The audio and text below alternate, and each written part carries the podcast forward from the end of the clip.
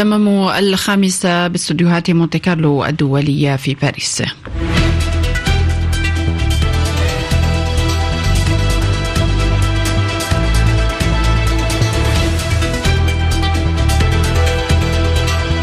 نشرة جديدة لآخر الأخبار. معك نبيل شوفان صباح الخير نبيل. صباح النور شيرين صباح الخير لكم مستمعينا والبداية بالعناوين. مع تضاؤل الامال بهدنة العمليات الإسرائيلية الدامية في غزة تخرج مشفى نصر عن الخدمة وغانتس يهدد بمهاجمة رفح بحلول رمضان. نتنياهو يضفي طابعا رسميا على معارضة إسرائيل لقيام دولة فلسطينية وينتقد الرئيس البرازيلي الذي تحدث عن حرب بين الجيش الإسرائيلي وأطفال القطاع الرئيسان ماكرون والسيسي يعارضان بحزم أي هجوم إسرائيلي على رفح والقاهرة. تقدم مذكرة لمحكمة العدل الدولية تزامنا مع استماعها لمرافعة بشأن احتلال إسرائيل لأراضي فلسطينية. وواشنطن تهدد بعرقلة مشروع قرار في مجلس الأمن بشأن غزة. ومؤتمر ميونخ اختتم أعماله بتحذيرات بشأن غزة ووعود بالمساعدة لأوكرانيا. مونتي كارلو الدولية. نشرة الأخبار. أهلا بكم مستمعينا. مع تضاؤل احتمالات التوصل إلى هدنة مع حركة حماس نفذ الجيش الإسرائيلي هجمات دامية جديدة في قطاع غزة أدت إلى مقتل 127 شخصا أمس كما أدت إلى خروج مشفى ناصر في خان يونس وهو ثاني أكبر مشافي القطاع عن الخدمة كليا. في الوقت الذي تستعد فيه إسرائيل لهجوم على مدينة رفح هذه المدينة التي تؤوي الآن أكثر من مليون فلسطيني معظمهم نازحون يعيشون في ظروف بائسة. نجوى بن مبارك. هجمات جديدة نفذها الجيش الإسرائيلي على مدينتي رفح وخان يونس في جنوب غزة وعلى مناطق أخرى من القطاع أدت إلى مقتل نحو 127 فلسطينيا بالإضافة إلى خروج ثاني أكبر مستشفى بالقطاع كليا عن الخدمة. ووفقا لوزارة الصحة التابعة لحركة حماس في غزة فإن مستشفى ناصر تحول إلى ساحة خراب بسبب توقف مولدات الكهرباء عن العمل. كما لم يعد لدى الطواقم الطبية الطبية المتبقية أي وسيلة لعلاج المرضى حيث قضى سبعة أشخاص بينهم طفل بسبب انقطاع التيار الكهربائي بحسب الوزارة التي أكدت أن القوات الإسرائيلية اعتقلت سبعين من الكوادر الصحية بينهم طبيب العناية المركزة. وداهم الجيش الإسرائيلي مستشفى ناصر بناء على معلومات استخباراتية عن احتجاز رهائن هناك ويقول إن جنوده عثروا على صناديق أدوية كانت قد أرسلتها إسرائيل لمعالجة معالجة رهائنها لكنها ظلت مغلقة ولم يتم تسليمها للرهائن فيما نفت حماس ما اعتبرته مزاعم إسرائيلية لتدمير منظومة الرعاية الصحية في القطاع. وقال مسؤولو الصحة إن المشفى لا يزال يأوي عشرات المرضى الذين يعانون من إصابات ناجمة عن الحرب أو من الأزمة الصحية المتفاقمة. وأضاف المسؤولون بأنه لا توجد كهرباء أو ماء أو عدد كافي من الأفراد الطبية لعلاجهم. ما أدى لوفاة سبعة منهم.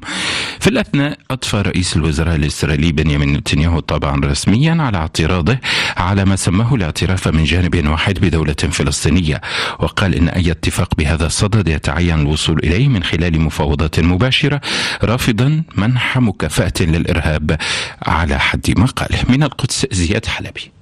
انطلاقا من القلق الإسرائيلي من أن تقود الحرب على قطاع غزة إلى فرض حل الدولتين وبسبب ضغوط وزراء اليمين أقرت الحكومة الإسرائيلية بالإجماع قرارا تصريحيا يرفض الإملاءات الدولية. قال إن إسرائيل ترفض هذه الإملاءات بشأن التسوية النهائية مع الفلسطينيين حيث لن يتم التوصل إلى هذه التسوية إلا من خلال المفاوضات المباشرة وبدون شروط مسبقة. وأضاف القرار أن إسرائيل ستواصل رفضها الاعتراف من جانب واحد واحد بدولة فلسطينية وتعتبر مثل هذا الاعتراف بعد السابع من أكتوبر جائزة ليس لها مثيل لما وصفه بالإرهاب وسيمنع التوصل إلى سلام.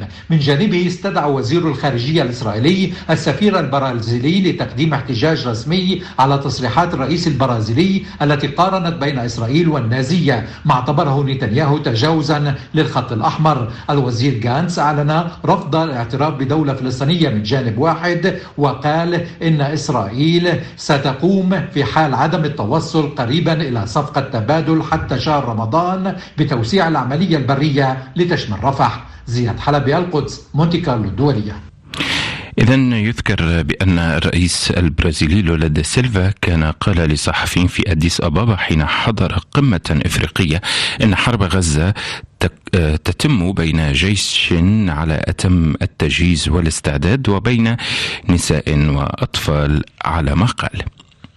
الرئيس الفلسطيني محمود عباس قال أمس إن الحكومة الإسرائيلية مصرة على استمرار حربها وخاصة على رفح بهدف فرض تهجير قسري على سكان القطاع. هذا وهددت الولايات المتحدة بعرقلة مشروع قرار جديد في مجلس الأمن الدولي بطلب من الجزائر يدعو إلى وقف فوري لإطلاق النار لأسباب إنسانية. هجيره بن عده واشنطن هددت باستخدام حق النقد الفيتو من جديد على مشروع قرار يدعو لإرساء هدنة في القطاع على أساس القرار الذي أصدرته محكمة العدل الدولية في نهاية يناير كانون الثاني الماضي. مشروع القرار الذي تقدمت به الجزائر بعد مشاورات في المجلس يرفض التهجير القسري للمدنيين الفلسطينيين ويدعو إلى وضع حد لانتهاك القانون الدولي ولإطلاق سراح جميع الرهائن. المندوبة الأمريكية اعتبرت بأن الخطوة الجزائرية تهدد بتقويض المفاوضات الجارية بين إسرائيل وحماس حول الهدنة وقالت توماس جرينفيلد إنه إذا وصلنا إلى تصويت على المسودة الحالية فلن يتم اعتمادها وهو ما يعد تهديدا واضحا باللجوء إلى حق الفيتو لوأد مشروع القرار. وكانت واشنطن قد تجاوزت جميع الضغوط التي مارسها المجتمع الدولي واستخدمت حق النقد الفيتو لإحباط مشاريع قرارات تدعو لوقف لإطلاق النار في منتصف أكتوبر تشرين الأول ثم في بداية ديسمبر كانون الأول. هذا وأعرب الرئيس الفرنسي إيمانويل ماكرون ونظيره المصري عبد الفتاح السيسي عن معارضتهما الحازمة للهجوم على رفح ولأي تهجير قسري للسكان. وعبر الرئيسان عن قلقهما البالغ إزاء تدهور الوضع الإنساني والعقبات التي تعترض المساعدات. ودعا مجلس الأمن الدولي إلى لعب دوره وإطلاق عملية سياسية بهدف تنفيذ حل الدولتين.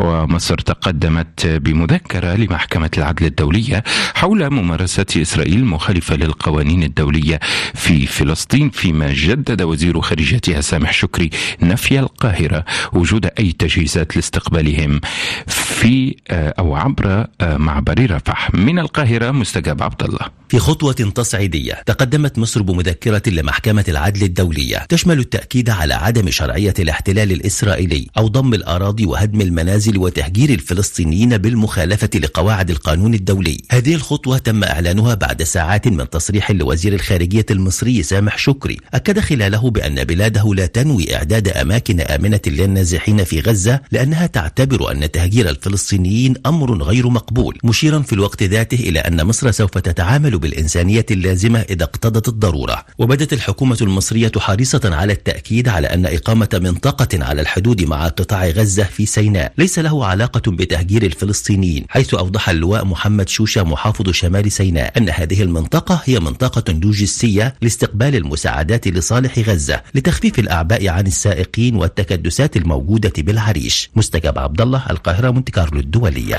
وبدءا من اليوم الاثنين تخصص محكمة العدل الدولية جلسات استماع يشارك فيها عدد غير مسبوق من الدول لبحث التداعيات القانونية المترتبة على الاحتلال الإسرائيلي للأراضي الفلسطينية.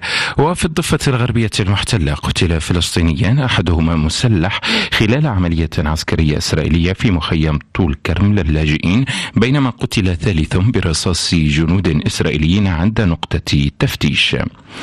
في الأخبار أيضا النرويج وافقت على المساعدة في تحويل أموال الضرائب المجمدة والمخصصة للسلطة الفلسطينية وهي أموال جمعتها إسرائيل ما يوفر تمويلا حيويا للسلطة الفلسطينية.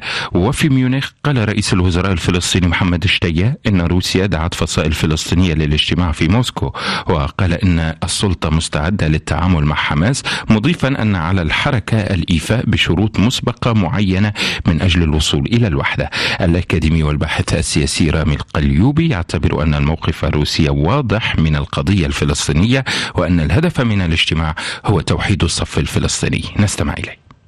الهدف من الزيارة هو توحيد الصف الفلسطيني وطبعا عقد مشاورات وتنشيط الحوار الفلسطيني الداخلي. فهناك اعتقاد روسي بأنه حتى تقف بنجاح في وجه عدوك يجب أن تزيل في البداية خلافاتك الداخلية. الموقف الروسي هو معروف وهو أن روسيا تنحاز سياسيا لفلسطين مع الحفاظ على علاقات عمل مع إسرائيل رغم نشوب بعض التوترات بسبب الدعم الإسرائيلي لأوكرانيا. لكن في الوقت نفسه روسيا تدرك أنه من الصعب التوصل إلى حل جذري للقضية الفلسطينية وحل الدولتين طالما هناك حالة من الانقسام الداخلي الفلسطيني. فبالتالي روسيا تعتبر أن تجاوز الانقسام والمصالحة بين مختلف الفصائل الفلسطينية حتى تستطيع أن تتحدث بصوت واحد على الساحة الدولية سيعزز فرص إقامة السلام في المنطقة. وفي ميونخ اختتم مؤتمر الأمن العالمي ولقد أحرز المجتمعون نصف اتفاق بما يخص غزة بينما كان تأكيد القادة الأوروبيين على حتميه توليهم لأمنهم بأنفسهم مع تعزيزات استراتيجيات الناتو في مواجهة التهديدات الروسية. مراسلنا في ألمانيا منصف سليمي. نصف اتفاق حدث حول أزمة حرب غزة في ختام مؤتمر ميونخ للأمن العالمي. الجانب المستعجل من الأزمة لم يحرز فيه تقدم بسبب تباعد وجهات النظر الإسرائيلية والفلسطينية والعربية حول وقف إطلاق النار والتعامل مع مطالب حماس. رئيس الوزراء الفلسطيني محمد شتية دعا الفصائل الفلسطينية إلى الوحدة وحث حماس على حضور اجتماع موسكو لمناقشة المصالحة على قاعدة اعتراف حماس ببرنامج منظمة التحرير الفلسطينية واعتماد نهج مقاومة شعبية لا غير كما قال بينما يشدد الجانب الإسرائيلي على أن القضاء على الإرهاب الذي تمثله حماس أولوية. العاهل الأردني الملك عبد الله فضل العمل في الكواليس من خلال اجتماعات مكثفة مع قادة أوروبيين ووزير الخارجية الأمريكي. ملف أمن أوروبا حظي بالاهتمام وتم التشديد على أنه مهمة الأوروبيين بالأساس ولكن مع تعزيز استراتيجيات حلف الناتو ودعم أوكرانيا. منصف سليمي مؤتمر ميونخ مونتي كارلو الدولية.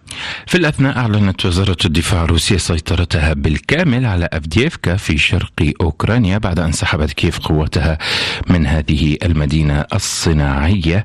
فما هي أهميتها الاستراتيجية؟ سؤال طرحته مونتي كارلو الدولية. على العميد المتقاعد ناجي ملاعب أهمية هذه المدينة قربها من دونيتسك يلي هي أكثر شيء فيها أنصار روسية موجودين في هذه المنطقة وهي تؤمن حماية تقريبا إلى كامل منطقة دونباس التي ضمتها روسيا. يعني السيطرة هذه تعود لي أولا لضعف المساعدات العسكرية الأمريكية ولتقاعس الكونغرس كما قال الرئيس بايدن في إرسال المساعدات.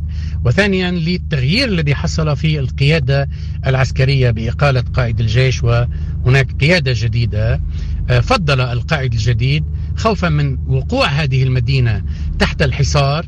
فضل الخروج منها ولا يعتبر نصرا لروسيا لأن هذا الموضوع ممكن أن تستعاد المدينة إذا ما أعيد تنظيم القوات الأوكرانية ولكن هذا الموضوع يبدو أنه سقوط أول مدينة بيد الروس بهذه الضخامة بعد فشل الهجوم المعاكس الذي أعلن عنه الأوكران والذي نفذوه حتى الأمس القريب.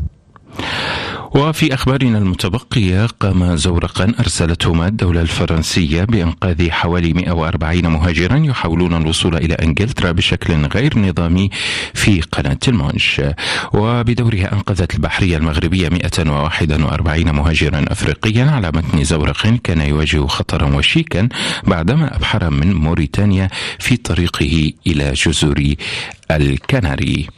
أعلنت شرطة بابوا كينيا الجديدة مقتل 53 شخصا في مرتفعات البلاد المضطربة في أحدث سلسلة من أعمال عنف قبلية مستمرة منذ سنوات. النقابات الرئيسية في لوفت هانزا آه، دعت موظفيها الأرضي الأرضيين في الشركة إلى الإضراب غدا الثلاثاء في المطارات الألمانية الرئيسية للمطالبة بزيادة الأجور بسبب التضخم نهاية النشرة وهذا تذكير بأبرز العناوين. مع تضاؤل الامال بهدنة جانتس يهدد بمهاجمة رفح بحلول رمضان والعمليات الإسرائيلية الدامية في غزة تخرج مشفى ناصر عن الخدمة.